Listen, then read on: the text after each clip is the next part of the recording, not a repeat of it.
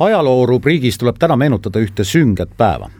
viieteistkümnendat detsembrit tuhat üheksasada üheksakümmend neli, mil Paide lähedal Mäo ristis toimus julm kallaletung noore Eesti riigi õigussüsteemi vastu, vähemalt nii võib väita.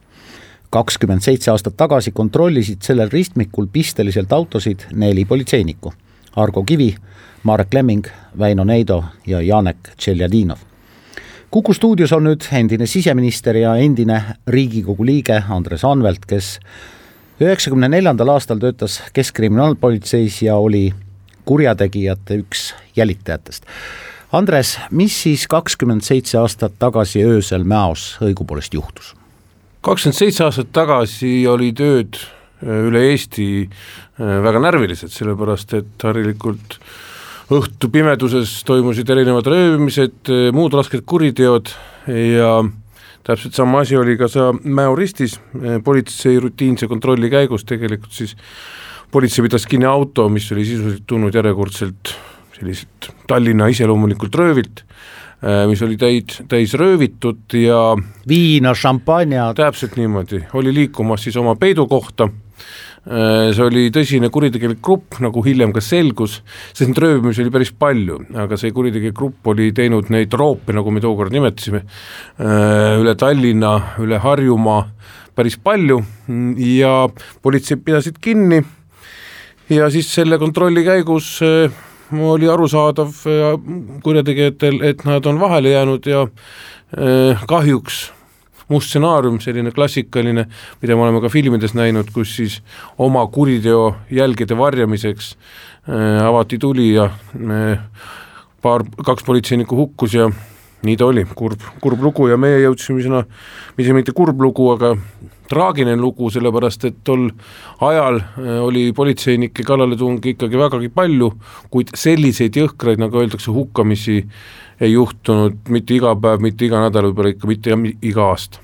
hukkusid siis Argo Kivi ja Marek Lemming äh, tõsiselt sai vigastada Janek Tšeljadinov, sündmuskohalt Andres Anvelt leiti üle viiekümne padrunikesta, see oli ikka see oli ikka metsik tulistamine, mis seal toimus. jaa, see oli metsik tulistamine äh,, ta isegi mingil määral võis öelda, oli ka tulevahetus, kuigi selge on see, et kurjategijad olid siin raskemalt relvastatud äh, ja tuleb arvestada sellega, et äh, kurjategijad, kes avasid tule, olid tegelikult ka eriväljaõppega endised äh, eriüksuslased või dessantnikud, nagu me tookord neid nimetasime, kes oskasid oma siis olukorras vastavalt käituda ja, ja see andis neile ka edumaa.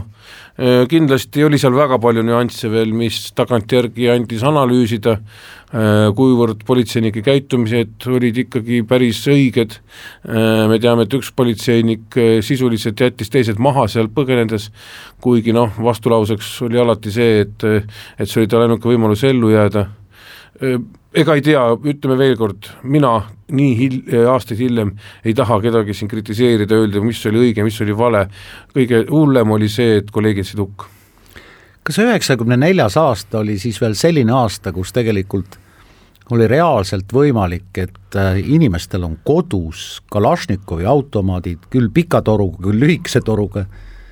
jaa, üheksakümne neljas, üheksakümne neljas aasta on Eesti ajaloo Äh, nii kaua, kui Eestis on kunagi, ükskõik mis võimu ajal Eesti on olnud äh, statistikat peetud kõige vägivaldsem aasta. üheksakümne neljandal aastal ulatus tapmiste arv äh, sinna neljasaja kanti, kui me räägime, et nüüd eelmine aasta või see aasta lõppeval aastal on see paarkümmend, siis me näeme seda vahet Äh, pluss veel, ega siin ei ole salata, üheksakümmend neli oli ka sellesama mm, äh, metalli äh, vedamiste, vedamise aasta üks tippe ja, ja inimesi jäi kaduma võib-olla sama palju. ja me võime ikkagi öelda, et üheksakümne neljandal aastal oli oli ikkagi aeg-ajalt võimul, noh, maffiaks võib-olla palju nimetada, aga juriidiliselt organiseeritud kuritegevus. no võimul ei saa öelda, see on liiga räige ikkagi äh,, ikkagi võim oli Eesti riigis Eesti riigi äh, võimuorganite käes, aga mina mäletan muide ühte kahe pande kaklust päise päeva ajal merepuiestee trammipeatuses. Ja ei, ma ütlen veel kord. kurikatega mehed tagusid üksteist lihtsalt. ma arvan, seda juhtus ennem, juhtus ka tel-, tol ajal, juhtus natuke hiljem, see kõik jäi silma, pommiplahvatused olid igapäevane nähtus, me harjusime sellega ära, tänapäeval me loeme võib-olla sellistest kuritegudest, nagu tol ajal ei jõudnud isegi esilehekülgedele, me loeme nädal aega. mis ma tahan öelda, on see, et noh, võim oli ikkagi riigi käes, aga oli olemas selline asi nagu väga tugevalt kanda kinnitanud organiseeritud kuritegevus, kes võitles oma positsioonide pärast ja vahest äh, see võitluse, ütleme niimoodi, ristsed või tuleristsed äh, sattusid risti riigi omadega. tuleme selle Mäo tulistamise juurde tagasi, et kaks kinnipeetavat, nagu ma olen nüüd hiljem lugenud, murdusid üsna kiiresti, ehk siis te suutsite nad üsna kiiresti nagu lahti murda. üks neist oli ise Pollar jaa, ütleme selles mõttes seesama mm, seltskond, kes vedas nüüd seda röövitut, oli väga hästi ennast valmistanud, et need olid saateautod, mis pidid jälgima siis, kas tee peal on patrulle. ja ühes sellises saateautos oligi, kui ma ei eksi, Tšeljadinov ja Nikolaev, mis oli huvitav tandem, kus üks oli mitmeid kordi vanglas karistatud ja teine oli mitmed aastad politseis töötanud, kui ma ei eksi, ta oli Lasnamäe politsei patrullitöötaja. ja nemad olid siis üheks selleks saateautoks ja miks nad vahele võeti, oli sellepärast, et kurjategijad põgenesid sündmuskohalt ja juba politsei oli saanud appikutse, siis hakati jälitama, siis nende sõiduauto, saateauto leiti üsna pea ja need viidi esimesena politseijaoskonda, ega sellisel hetkel, sellel hetkel, kui me Pikaroga kohale jõudsime, ega nad ei ole midagi pragunenud.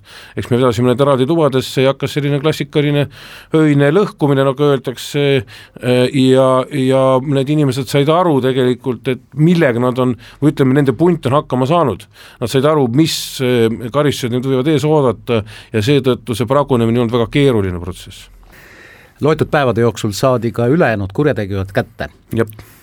aga üks on siiamaani jooksus.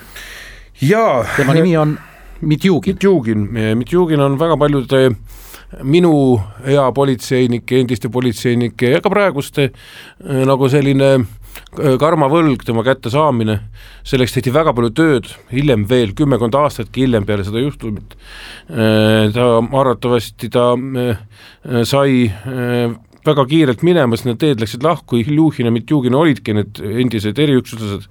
Ja Mitjuginit me ajasime taga kõigepealt Eestis, väga tükk aega ja pärast siis ka veel Venemaal, sest veel olid need ajad, kus Venemaaga sai koostööd teha. Äh,, oli, jõudsime talle päris lähedale, me arvame, aga jälle, jälle Venemaal ta läks meil teest ära, nii et mis tast saanud on, ei tea, kas ta elavate kirjas on, ei tea, aga äh, tema, kui ta isegi peaks olema ja peaks kuulama seda saadet, mida väga vähe usub muidugi, mis on väga võimatu, aga ma arvan seda, et ta teab, mis teda siin ees ootab see kuritegu ei aegu? Eh, kahjuks see kuritegu aegub, aga selge on see, et eh, inimeste mälestused ei aegu. Need eh, tookord kinni võetud kurjategijad, kes ründasid Eesti õigussüsteemi ja Eesti politseinikke, on tänaseks vanglast vabaks saanud. Andres Anvelt, kas on teada, mida nad teevad, kus nad on? Tead, ütlen ausalt, kui tunneks huvi kõigi nende pättide vastu, kes on omal käed läbi käinud, mida nad teevad, kuidas nad käituvad, siis ma arvan, ma oleks hulluks läinud ammu juba. ja lõpuks, härra Anvelt, ehm, riik on arenenud, politsei on arenenud, kui selline sündmuste jaga, jada toimuks täna, siis kas Eesti politsei vastupanuvõime oleks suurem?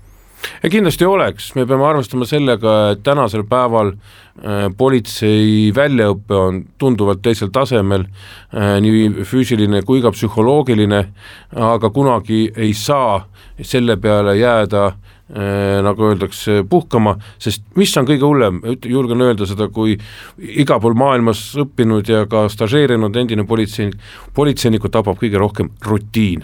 kui politseinik harjub sellega, et ei ole nädalaid, kuid, aastaid midagi juhtunud, siis ühel päeval see juhtum võib tulla sellisest tavapärasest rutiinsest olukorrast, nii et, et siin ma alati kutsun üles, olgem valvsad loodame, et midagi taolist enam ei juhtu, aitäh selle intervjuu eest Kuku raadiole, Andres Almet! aitäh!